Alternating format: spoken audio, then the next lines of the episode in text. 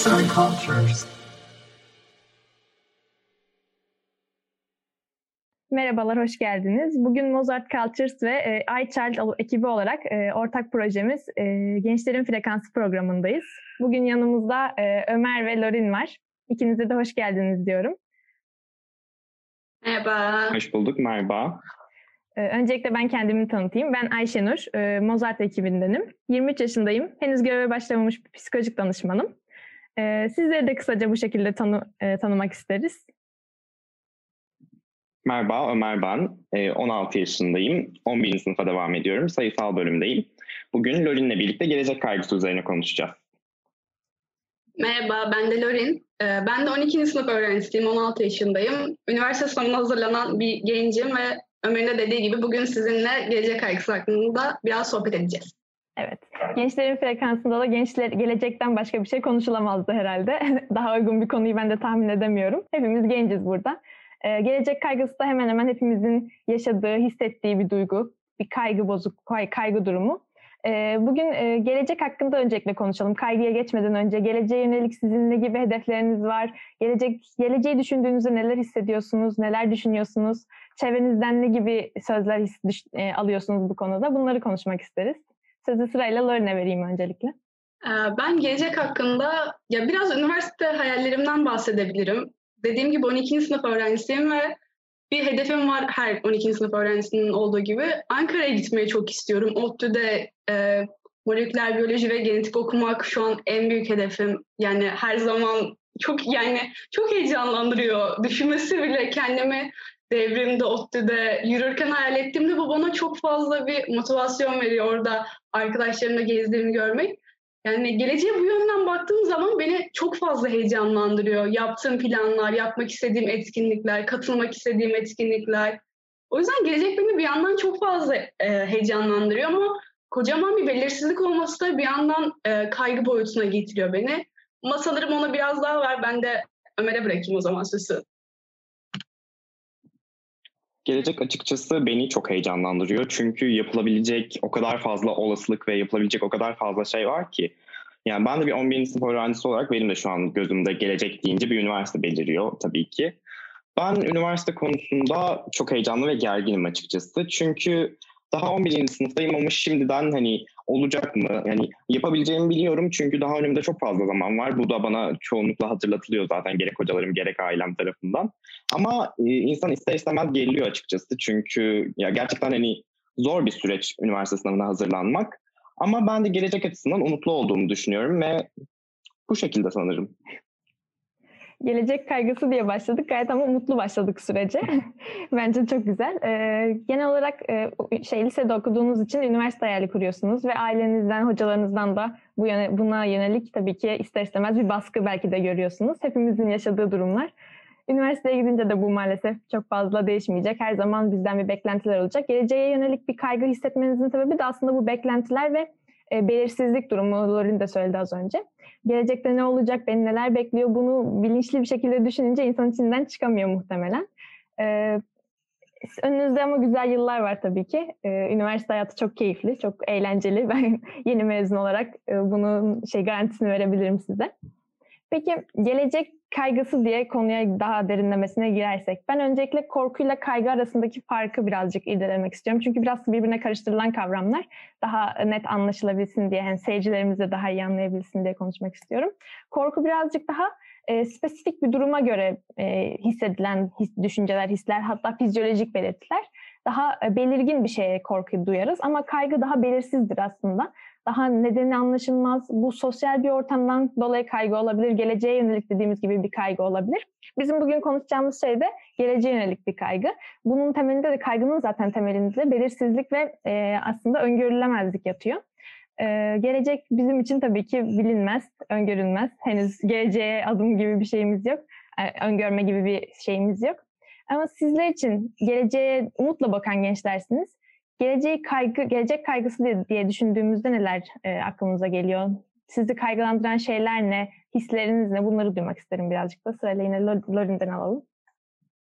Ya geleceği düşündüğümde beni kaygılandıran şey ilk olarak tabii ki üniversite sınavı. Çünkü Yani az bir süre kaldı ve sınavın nasıl sonuçlanacağını, istediğim okula gidip gidemeyeceğimi bunu düşünmek e, büyük bir kaygı yaratıyor bende. Bundan daha sonrasında ise üniversitede istediğim ortamı, hep hayal ettiğim ortamı görebilecek miyim, bunu deneyimleyebilecek miyim? Bu apayrı bir kaygı konusu ya da daha sonra yüksek lisanslı, doktoraydı derken yani istediğim akademik ilerlemeyi yaşayabilecek miyim?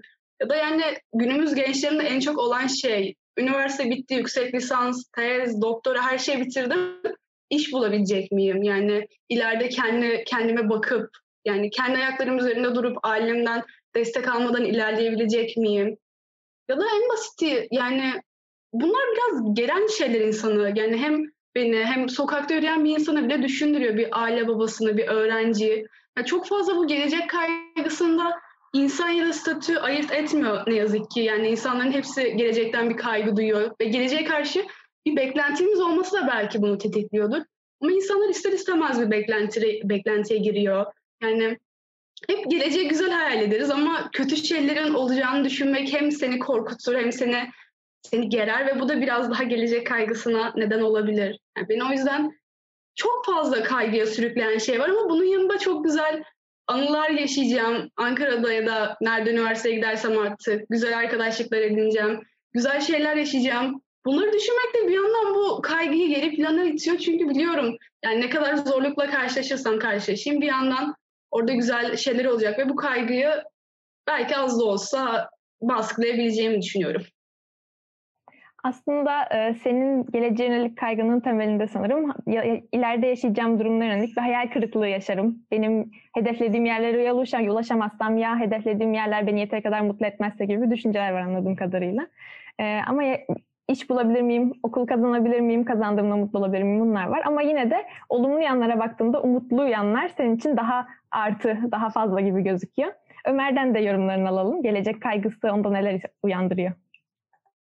De şu şekilde söyleyebilirim. Az önce kaygıyla korkuyu ayırdık işte biri daha belirli bir şeye karşı. Kaygı dediğimizde biraz daha belirsiz bir şeye karşı ben hani çok doğru olduğunu düşünüyorum. Çünkü benim gelecek kaygılarımın temelinde geleceğin benim için çok belirsiz olması var. Çünkü gerek yaşadığımız ülke şartları gerek işte durum durumların çok ani değişebiliyor olması yani beni biraz geriyor çünkü hani üniversite kazanacağım. Tamam üniversite kazandım işte yüksek lisans yaptım ya da iş hayatına atıldım. İş bulabilecek miyim? Şu anda yaşadığım şartları kendim için sağlayabilecek miyim? Ya da bu ne kadar sürecek? Ya da bir iş bulabilecek miyim? Ya da üniversitelerle ilgili mesela şu an üniversitelerde belli e, politik problemler var. Üniversitemde böyle bir sıkıntı yaşayacak mıyım? Açıkçası bu belirsizlik hali beni çok yoruyor ve düşündürüyor. Çünkü üniversite kazanmak, yüksek lisans yapmak işte üniversite kazanmak mesela çok pamuk ipliğine bağlı bir süreç benim için şu an. Çünkü sadece bir sınava girebiliyorsunuz ve o sınava yılda bir kere girebiliyorsunuz. Ve bu sınavda hani en küçük bir kaygıda, en küçük bir dikkat hatasında çok çok hani farklı yerlere gidebiliyor hayalleriniz, düşünceleriniz. Bu yüzden hani bu belirsizlik hali beni en çok düşündürüyor. Çünkü hani çok güzel şeyler düşünüyoruz hepimiz. Kimse geleceğinin kötü olmasını hayal etmez tahminen. Hani herkes güzel bir gelecek kurar kendi için. Ama bunlar hani gerçekleşecek mi çok belirsiz. Ben iş bulabilecek miyim, çalışabilecek miyim, bir üniversite kazanabilecek miyim, kazanınca mezun olabilecek miyim? Yani bunların hepsi ayrı ayrı çok büyük kaygılar ve belirsizlikler. Bu yüzden aslında bence benim gelecek kaygılarım bundan sebeple oluşuyor. Senin de yine ikinizin de aslında temelde gelecekte ne olacak belirsizlik kelimesinin temelinde oluşan bir şey var. İleride ne olur, neler yaşanır bu tabii ki bilinmez. Ama bir yandan da söylediğiniz şeylerde şunu da fark ettim. Biz istikrarı da birazcık seviyoruz. Yani belirli olan şeyleri daha çok e, istiyoruz. Yani örneğin bir insan sürekli bankasını değiştirmez veya güvendiği bir marka ürünü kullanmayı değiştirmez vesaire. Biz de geleceğimiz birazcık daha bizim ellerimizde olsun, biraz daha yordayabilirim istiyoruz anladığım kadarıyla. Size de bunu gördüm. Ee, ben de aynı şekilde düşünüyorum tabii ki. Üniversite, iş, e, bölüm bunların hepsi kafa karıştırıcı süreçler sizin için. Ee, peki kendinize, geleceğinize baktığınızda kendinize yönelik beklentileriniz neler? Mesela ben ileride şunu yapıyor olsam daha iyi hissederim dediğiniz yanlar neler? Benim sanırım ya benim ne bölüm seçersem seçeyim şu an dediğim gibi her şey belirsiz. Belki hayalini kurduğum bölüm dışında farklı bir bölüm okuyacağım farklı bir yerde. Ama ne olursa olsun işimin bir yerinin belki bu üniversiteden sonra, meslek hayatından sonra, belki 30-40'ından sonra bilmiyorum ama insanlara yardım etmek, insanlarda e, küçük de olsa bir umut ışığı belirtmek, onların mutlu olmasını sağlamak bu her zaman yapmayı çok istediğim şey. Bazen bunu mesela arkadaşlarıma söylüyorum. Şey diyorlar. Görin ileride ne yapmak istiyorsun? Ben diyorum yani üniversite okuyacağız hepimiz bir meslek edineceğiz ama ben en çok insanlarda bir umut ışığı belirtmek istiyorum. Çünkü hepimiz karamsarız. Hepimizin içinde istemediği bir karamsarlık var ve bunu bazen kendi kendimize yenemiyoruz. Bazen sokaktan bir insanın size gülümsemesi o karamsarlığı atar. Ya da bazen dinlediğiniz bir podcast, dinlediğiniz bir şarkıdaki bir söz sizin o karamsarlığınızı atar ve ben insanlar üzerindeki bu karamsarlığı atıp onların kendilerini güvenmesini sağlamayı çok istiyorum. Ya da ya hayal kurduğum en büyük şey dediğim gibi insanlardaki bu umudu yeşertmek, geleceğe olan ya geleceğe olan beklentilerini biraz daha yükseltmek. Ama bu şey değil işte çok zengin olacaksın, hayalini kurduğun her şeyi yapacaksın olarak değil.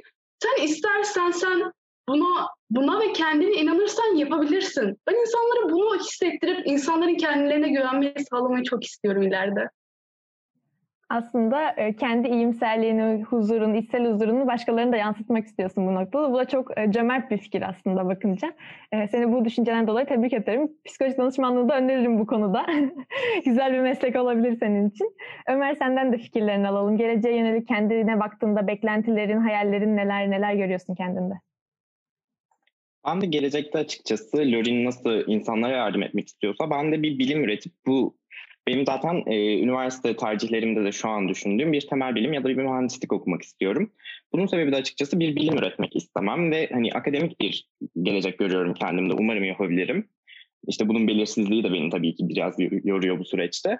Ama ben de bilim üretmek istiyorum. Çünkü şu anda hayatımızda yaşadığımız, e, ben çok imtiyazlı bir hayat yaşadığımızı düşünüyorum. Çünkü bundan 100 yıl önce bile insanların evlerinde buzdolabı bile yoktu. Ve hani buzdolabı aslında küçük bir şey gibi görünüyor ama o kadar, o kadar büyük bir şans ki yiyecekleri bile depolayabilmek. Ve bunların hepsini belli bir noktada bilime borçluyuz. Ben de bu noktada bilime e, bir katkı sağlayabilmek istiyorum en ufak da olsa. E, bunun ucu aslında belli bir noktada Learn'in söylediği insanlara yardım etmeye dokunuyor. Ben bunu bilimle yapabileceğimi düşünüyorum ve e, bu noktada da gelecekte kendimi böyle bir pozisyonda görüyorum ama göremeye de biliyorum bazen. İşte bu da beni gelecek kaygısına çok sürüklüyor şu noktalarda. Ama bu gelecek kaygısı da biraz dönemsel bir şey benim için. Hani her gece yaşıyorum diyebileceğim bir şey değil. Mesela bazen hiç yaşamıyorum. Böyle çok gamsız oluyorum. İşte hedeflerime böyle çok gideceğime inanıyorum. Ama belli dönemlerde daha böyle depresif dönemlerde özellikle bunun karantinayla da çok etkili olduğunu düşünüyorum. Çünkü kaç aydır arkadaşlarımızı görmüyoruz, okula gitmiyoruz. Yani belki eğitim oluyor ama sosyalleşemiyorsunuz. Lise zamanlarında okulun en büyük etkilerinden biri de aslında bir sosyalleşme ortamı olması. Ve ben sanırım birkaç yıl, birkaç ay sonra bir yıldır okula hiç gitmemiş olacağım. Ve bunun psikolojik etkileri de çok büyük şu anda e, bir gelecek kaygısı oluşmasında. Çünkü fiziksel insan görmek de gerçekten bir insanın çok büyük bir ihtiyacı ve bu da insan hani daha depresif bir moda sokuyor. Ve daha depresif olunca kaygılarınız çok daha fazla artıyor. Ben de bu şekilde etkilediğini düşünüyorum beni. Çok güzel açıkladın kendini gerçekten. Çok e, nettin açıkçası. Ben şu e, ana bilim dalı istiyorum ve bilimsel anlamda insanlara yardım etmek istiyorum dedin. İkiniz de aslında insancıl şeyler istiyorsunuz. Yöntemleriniz belki seçtiğiniz meslekler farklı olabilir ama insanlara kendi içinizdeki umudu, iyiliği paylaşmak istiyorsunuz. Bu konuda da ikinizi de ben çok tebrik ederim. Pandemi sürecini değindin. Gerçekten e, pandemi konuşulmayan bir sohbet artık günümüzde yok herhalde. E, pandemiden dolayı dediğin gibi uyarıcı eksikliği çok fazla yaşıyoruz. İnsanlarla etkileşim halinde değiliz ve insan beyninin yapısı aslında biraz da bana ne kadar uyarıcı gelirse ben onu işleyeyim mekanizmasıyla çalıştığı için biz şu an çok az uyarıcıyla hayatta kalıyoruz. Evimizde anca annemiz, babamız, belki eşimiz, dostumuzla kalıyoruz. Bu etkileşimsizlik de bizi belki depresyona sürüklüyor, belki daha e, düşük modlara itiyor kendi, kendimizi. E, bunun da tabii ki e, korona döneminin de tabii ki zorluklarından biri de böyle. Bizim sizlerin, bizim de gelecek kaygımızda bir noktada depreştiren bir şey. Ama bir yandan da bakınca aslında konuşmanın başında da söylemiştim. istikrar ve değişime e, açık olmak fikirleri. Bunlar aslında bizi korona döneminde, karantin döneminde çok net bir şekilde gördü ki biz aslında değişime açık bir şeymişiz, insanlıkmışız. Ne, e, bir yıldır evde oturuyoruz, hiçbir etkileşim etkileşimde bulunmuyoruz ama ona rağmen yine de kendimizi toparlayabiliyoruz, bir noktada ayakta kalabiliyoruz, hayatta kalabiliyoruz. Bu noktada da ben insanlık olarak bizi ayakta alkışlıyorum şahsen.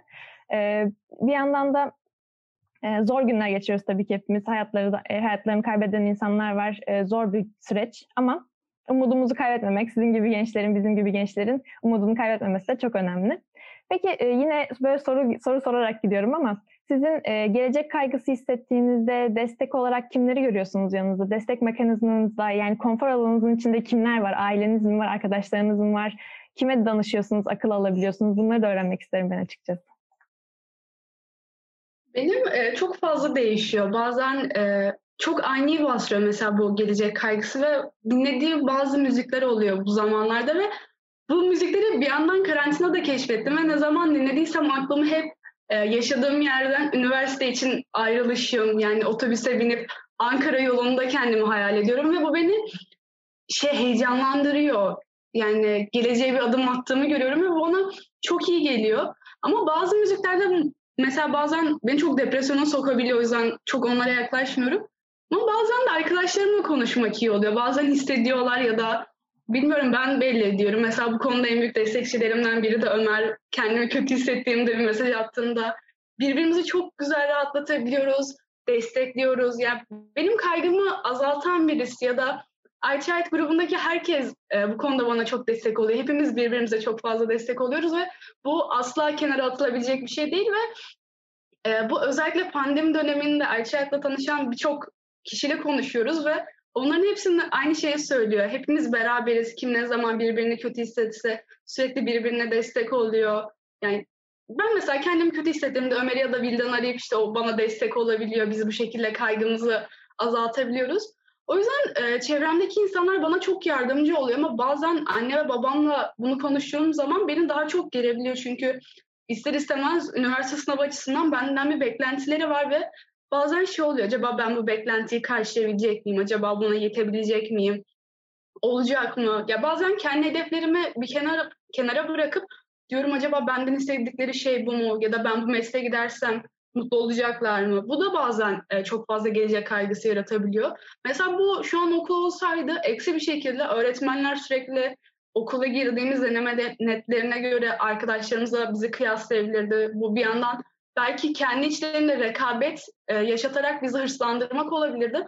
Ama bazen de bizi daha geri plan itebilirdi. Çünkü ben belki o arkadaşımı kendime rakip, rakip görmüyorum. Ben sadece onunla beraber üniversite sınavına hazırlanıp üniversitede aynı sıralarda daha güzel şeyler yaşamak istiyorum. Ama e, çevrenin ve toplumun bana bastırdığı şeylerle karşımdaki insanı rakip görüp onu bazen çok kötü bir şey bu. Yani bazen belki ben yapıyorumdur ya da çevremdekiler yapıyor. Onun psikolojisini alt etmek için çok fazla elinden geleni yapan insan var. Bazıları yalan söylüyor işte deneme netlerini arttırıyor. Bazıları ben 25 saat ders çalışıyorum diyor günde. Yani bu da insanları çok büyük bir e, psikolojik bunalıma sokuyor. Ama bazen de bu pandeminin bizden en büyük aldığı şey arkadaşlarımla konuşmak bazen beni çok rahatlatıyor. Ama ne yazık ki şu an hiçbirimiz çok fazla dışarıya çıkamıyoruz ve online derslerde de ne öğretmenlerle çok fazla bir iletişime geçebiliyoruz ne de e, arkadaşlarımla bir iletişime geçip o ders sırasındaki ufak 5 dakikalık konuşma bile bazen bizi de, e, motive ederken şu an pandeminin bizden aldığı en büyük şey bu ve bunun eksikliğini çok fazla yaşıyoruz ne yazık ki. Yani şu an hiçbirimiz okul açılsın, okula gidelim, yaşasın okul demiyoruz ama en azından bu yani bizim yaş grubumuza biraz daha anlayışlı olması gerektiğini düşünüyorum. Bu normal üniversite sınavı olur şu an tekrar bir okul için karne sınavı yapılması gündemde bunlar olur.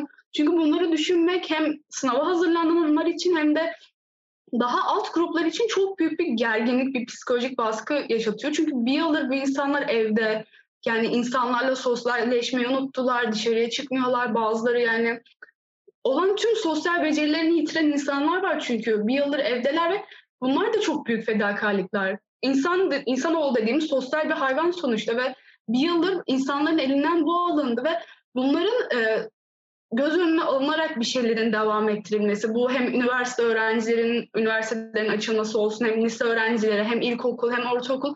Yani bunların hepsinin e, bir göz önüne alınıp buna göre sınav sisteminde belki bir değişiklik yapılmalı, belki ya genel olarak hayatta farklı bir yeni normal dedikleri normali aslında daha da geliştirmeleri gerektiğini düşünüyorum bir yandan.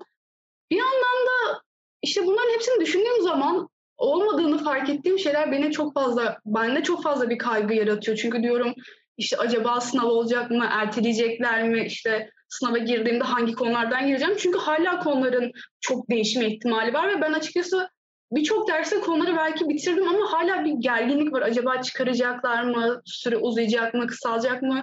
Ya bunları düşünmek beni çok fazla geliyor açıkçası. Yani genel olarak geriliyorum sanırım ben biraz düşündüğümde.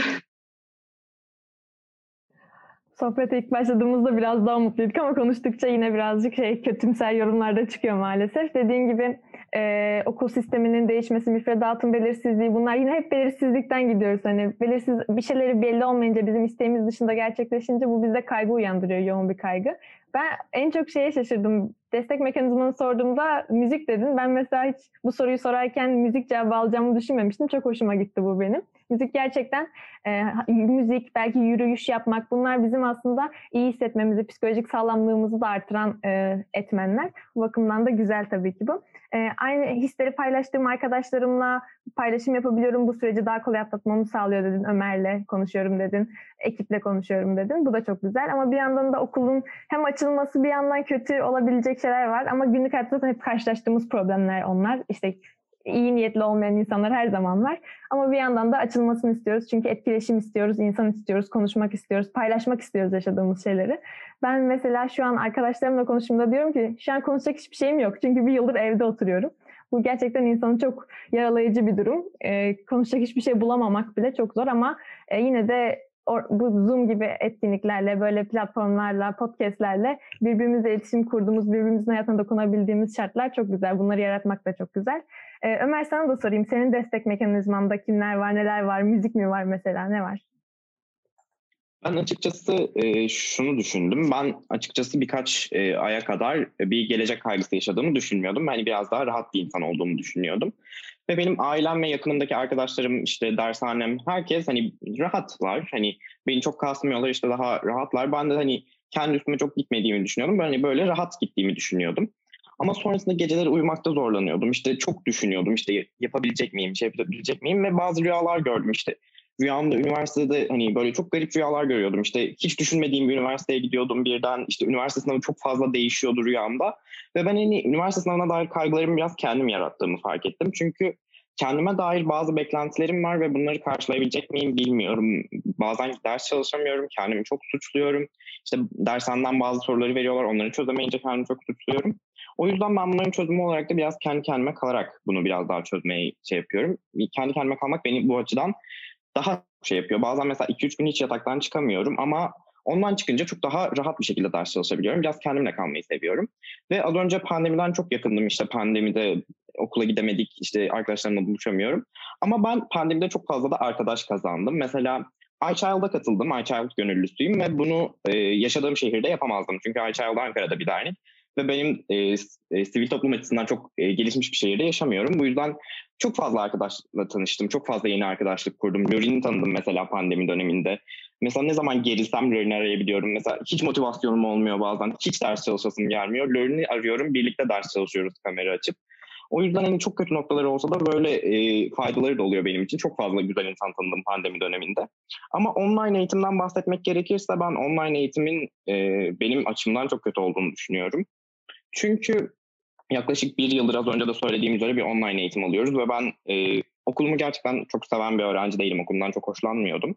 Ama okulun yarattığı sosyalleşme, arkadaşlarımla konuşmak, Lörn'ün de söylediği bir teneffüs arasında bir kantine gitmek, bir dışarı çıkmak, boş derste arkadaşlarımla kaytarmak. Yani bunlar aslında küçük şeyler ama evde kaldığınızda hiçbir şey yapmıyorsunuz ve bu kaygıyı yıkamıyorsunuz ama orada sürekli bir insan görüyorsunuz, sürekli birileriyle konuşuyorsunuz, hayatınızda bir aktiflik var.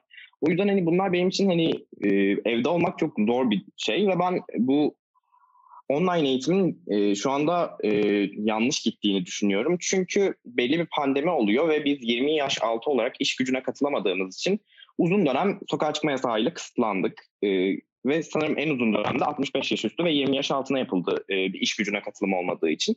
Ben bunu doğru değerlendiremiyorum açıkçası. Çünkü biz pandeminin sorumlusu değildik ve bundan en büyük şeyi biz gördük. Okullarımız kapatıldı. Benim okulum hiç açılmadı onun için sınıf olarak. 12. sınıflar, 9. sınıflar belli dönem açıldı. Biz hiç açılmadık. 11. sınıfız. Seneye sınava geleceğiz. Ama asla açılmadık biz. Arkadaşlarımı göremedim. Mesela bizde şey oldu. Sınava çağrıldık. Sınavlarımız yapıldı. Sonrasında bazı okulların yapılmamıştı. Dendi ki bu dönem sınav yapılmayacak ama bizim sınavlarımız çoktan yapılmıştı. Ve hani biraz da bu pandeminin faturası eğitime kesildi gibi oldu. Çünkü farklı ülkelerde bu çok daha farklı yönetilebiliyordu ama bizim ülkemizde eğitimde tamamen bir online şeye geçildi ve buna yeterli altyapı var mıydı? Bu da bir soru işareti. Çünkü eğitime erişemeyen de arkadaşlarım var benim şu an. İşte babasıyla aynı anda derse girmesi gerekiyor ama evde bir tane bilgisayar, babası öğretmen mesela. Babası bilgisayarı kullanırken kendi derse giremiyor ya da aynı anda e, internete bağlanınca yaşanan problemler. Ve e, bunlardan biz katılım notu da alıyoruz. Bu yüzden ben bunun bir problem olduğunu olarak değerlendiriyorum. Ve online derslerden gerçekten verim alamıyoruz. Çünkü bazı hocalarımız entegre olamıyor.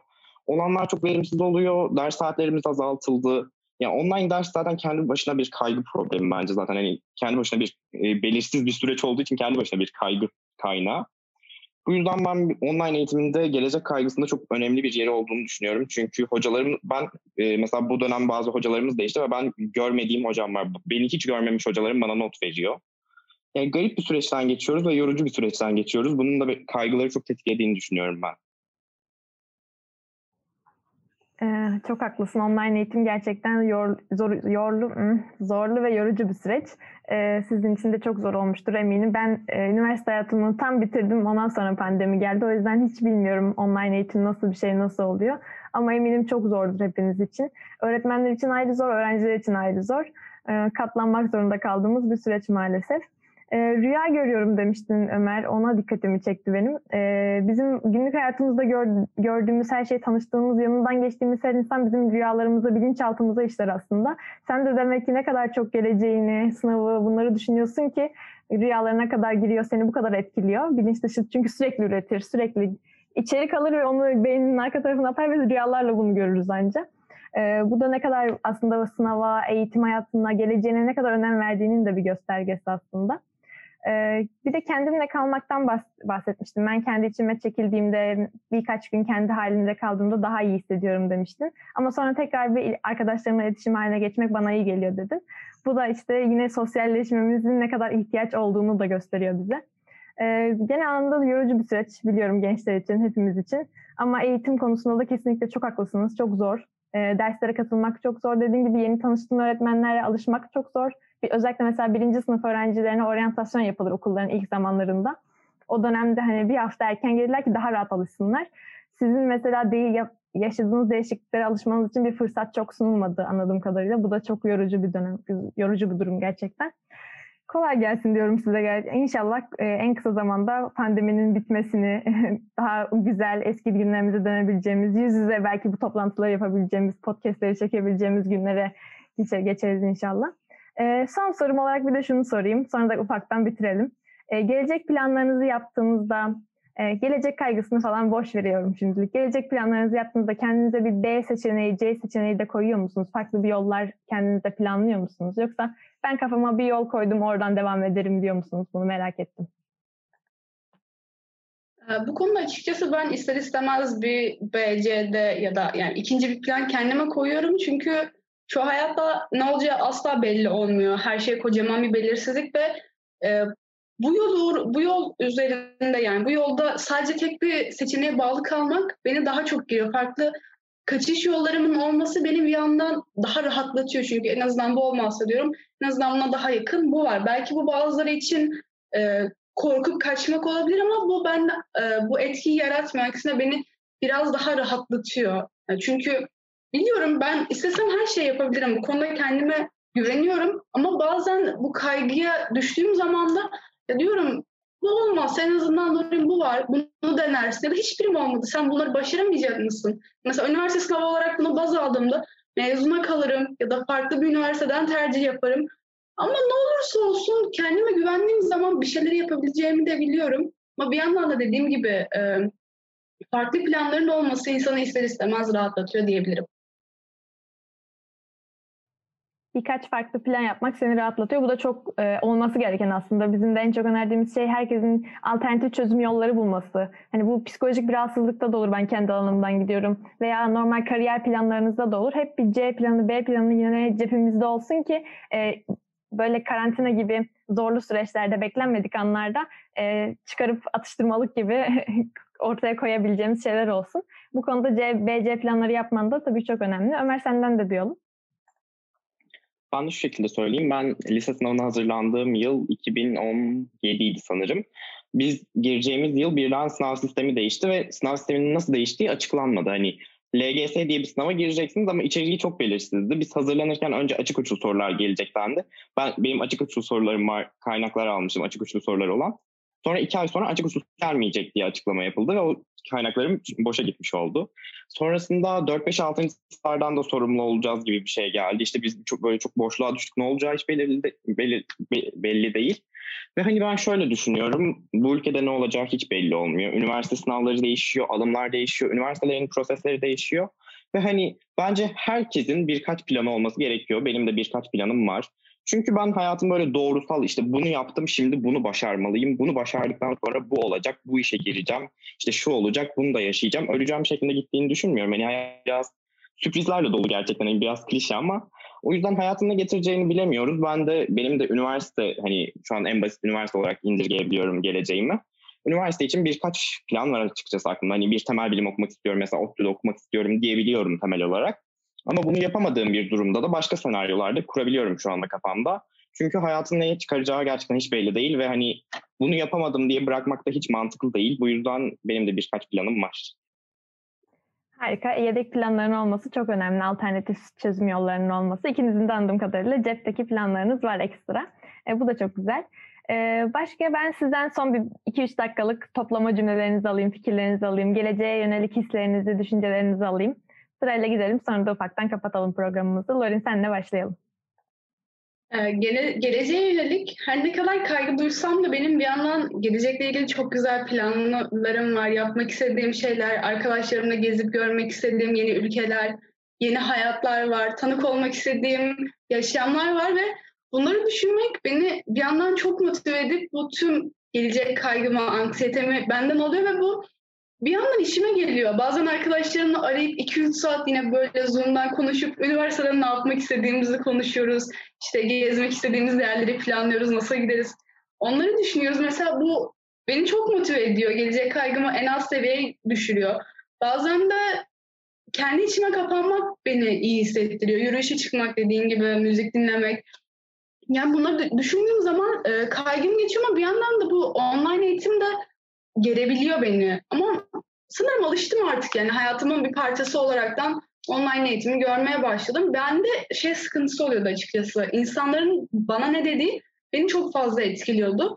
Ama son zamanlarda pandemi dönemiyle insanların ne dediğinden çok kendim ne yapmak istiyorum'a yönelmeye başladım. Mesela bu istediğim bölümle ilgili ailem hedefimin düşük olduğunu yani küçük olduğunu söylüyor ama hedefim küçük olabilir bazılarına göre ama bu benim yapmak istediğim bir şey. Ben çocukluğumdan beri her zaman deney yapmayı çok severdim. Annemden gizlice böyle tuvalette deney yapar saklardım onları. Annem ne zaman bulsa bana kızardı ve bunu sonradan mesela pandemi döneminde fark ettim ben bunu istediğimi. Yani yoksa ben çok farklı bir şey istiyordum. Çünkü çevrem bana her zaman daha üstün olanın, yani daha yüksek puanlı üniversitenin, daha yüksek puanlı bölümün bana daha iyi geleceğini söylüyordu ama öyle değilmiş. Yani ben ne istiyorsam, benim içimde ne yatıyorsa benim onu yapmam lazımmış ve ben bu pandemi döneminde çevremdekilerin sayesinde de kendimi dinledim ve içimdeki küçük Dori'nin aslında benden ne yapmamı istediğini fark ettim ve bunu fark etmek de beni çok rahatlattı. Yoksa belki ben şu an farklı bir şey isteseydim, mesela diş isteseydim ben bu kadar rahat ve mutlu olmazdım ama ben şu an genetik istiyorum ve kendim o laboratuvarda o beyaz önlükle elimde o deney eşyalarıyla deney yaparken hayal etmek beni çok rahatlatıyor ve açıkçası benden tüm gelecek kaygımı alıyor diyebilirim. Yani hayal kurmak senin için galiba geleceğe yönelik hedeflerindeki bir numaralı şey. Hayal kurup geleceğine yatırım yapmak çok güzel. Ee, ebeveynlerin baskısını, toplumun baskısını çok fazla önemsemiyorum dedin. Daha çok kendi içindeki kendi hedeflerime yöneldim dedim. Bu da çok güzel aslında. Ee, ailelerimiz bazen toplum farkında bile olmadan bizden mükemmelliyetçi hedefler bekliyorlar, mükemmelliyetçi tutumlar sergiliyorlar ve bu aslında gençleri bizleri en çok yıpratan süreç. Kendi hedefinizi biliyorsunuz siz, içindeki küçüklerin biliyor bunu dedi, e, ne istediğini. Bu çok önemli. Hep onların dinlemen dileğiyle diyorum. Çok teşekkür ediyorum sana. Ömer senden de son kez son cümlelerini alalım. Ben de şunu söyleyebilirim. Ben bazen şeyleri çok duyuyorum. İşte artık üniversite sınavına hazırlanıyorsun. Artık mesela ben geçenlerde bir konferansa kayıt yaptırmıştım o konferansa da üniversiteyi kazanınca girersin artık işte. Lorin'le de üniversiteyi kazanınca görüşürsün artık. Ya ben bunu gerçekten istemiyorum. Çünkü evet üniversite kazanmak istiyorum ama benim sosyal bir hayatım da var. Mesela bana çok şey örnekleri veriliyor. işte kapanmış, hiç arkadaşlarıyla görüşmemiş, iki yıl hiç evden çıkmamış işte şimdi şu üniversitede şu bölümde. Ya bu gerçekten benim istediğimi ben bunu düşündüm ve ben böyle bir hayat istemediğime karar verdim. Evet güzel üniversiteler istiyorum, güzel bölümler istiyorum bu kesinlikle şey ama olmazsa da hayatın sonu değil ben böyle bir hayat istemiyorum. Ben böyle mesela LoL'ü arayamayacağım bir hayat istemiyorum şu noktada. Çünkü gerçekten benim istediğim bu değil. Biraz da istediğini bilmekle ilgili. Ben karantinada çok fazla kendimi e, gelecek kaygısına kendimi çok e, şey yaptığımı buldum. Kendimi yönlendirdiğimi buldum. Çünkü ailemden, çevremden böyle bir şey görmüyordum ama çok fazla kendimi e, suçluyordum bunun için. Çünkü mesela günlük 200 soru mu çözmem gerekiyordu. Bazı gün, günler gerçekten çözecek enerjim olmuyordu. Ve hani ben hani çözmedim bir şey olmaz diye düşünüyordum ama gerçekten bu beni etkiliyormuş. Ben bunu sonradan fark ettim. Şu an gerçekten zor bir dönemdeyiz. Herkes için zor bir dönem. Ve hani ben bazen de e, böyle her şey çok güzel işte ekmek yaptım, spor yaptım. Hani gerçekten bazen öyle olmuyor. Yani her şey her zaman güzel olmak zorunda değil ama insanın kendini toparlayabilecek gücü bulması çok önemli. O yüzden ben geleceğe umutlu bakmak istiyorum açıkçası. Bakmaya da çalışıyorum çoğu zaman bazen bakamasam da. Umarım her şey çok güzel olur. Sanırım söyleyebileceğim şeyler bunlar bu kadar. Çok teşekkür ediyorum Ömer. Sen de yine hayal kurduğunu söyledin aslında. İkiniz de olumlu bakıyorsunuz aslında geleceğe. Kendi içinize dönmüşsünüz. Bu karantina belki de iyi bir şeydi sizin için. Kendi içinize dönüp kendi fikirlerinizi, kendi hislerinize yoğunlaşmışsınız. Geleceğe yönelik hedeflerinizi de belki de daha çok netleştirmişsiniz. Bu bakımdan iyi de olmuş aslında. E, çevremin fikirlerine daha kapalıyım. Yani tabii ki çok kapalı olmak da doğru bir şey değil belki ama kendi içime yöneldiğim ve kendimi fark ettiğim, kendimi daha çok anladığım bir dönem olmuş sizin için dediğiniz bir dönem olmuş. Bu bakımdan çok güzel. İkiniz için de ben e, en güzel hedeflerin, hedeflerinizin en güzellerine ulaştığınız bir yıl ve ömür olsun isterim. E, sizinle tanıştığıma çok memnun oldum. E, umarım hep hayal ettiğiniz yerlerde, o beyaz önlüklerin içinde, laboratuvarlarda, nerede görmek istiyorsanız orada olursunuz umarım. Tekrardan teşekkür ediyoruz. Geleceğin frekansında gelecek kaygısı konuştuk ama aslında her şeyi konuştuk. Hayata dair bir sürü şey konuştuk. Ee, teşekkür ediyorum. Hoşçakalın diyorum. İyi günler. Görüşmek üzere. Bizi dinlediğiniz için teşekkür ederiz. Görüşmek üzere.